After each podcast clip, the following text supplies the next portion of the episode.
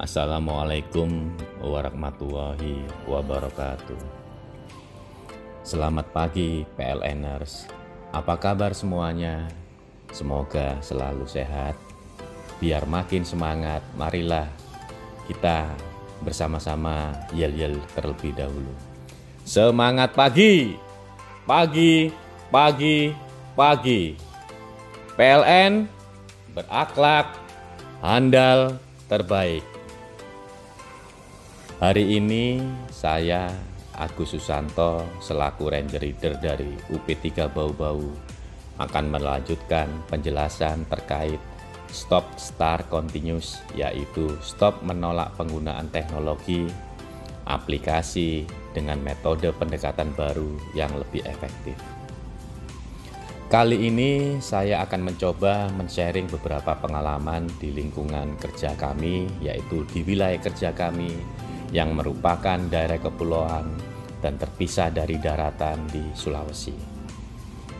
Dilihat dari perkembangan masyarakat terkait dengan teknologi yang sangat minim, tidak dapat kiri bahwa beberapa masyarakat di sini yang juga merupakan pelanggan PLN kurang memahami penggunaan layanan yaitu PLN dengan teknologi handphone Android.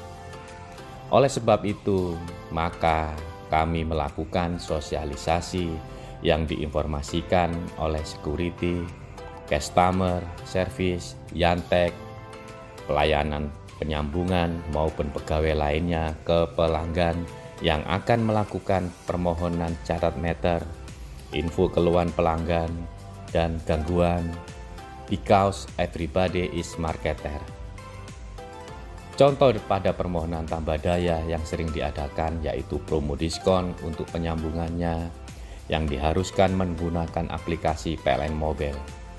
Maka dari kami menginformasikan kepada pelanggan bahwa sekarang untuk permohonan itu sangat mudah dan praktis dengan mendownload aplikasi PLN Mobile di handphone Android lalu melakukan login maka sudah bisa melakukan permohonan promo tambah daya di mana saja dan kapan saja. Dan juga akan dieksekusi setelah permohonan itu masuk.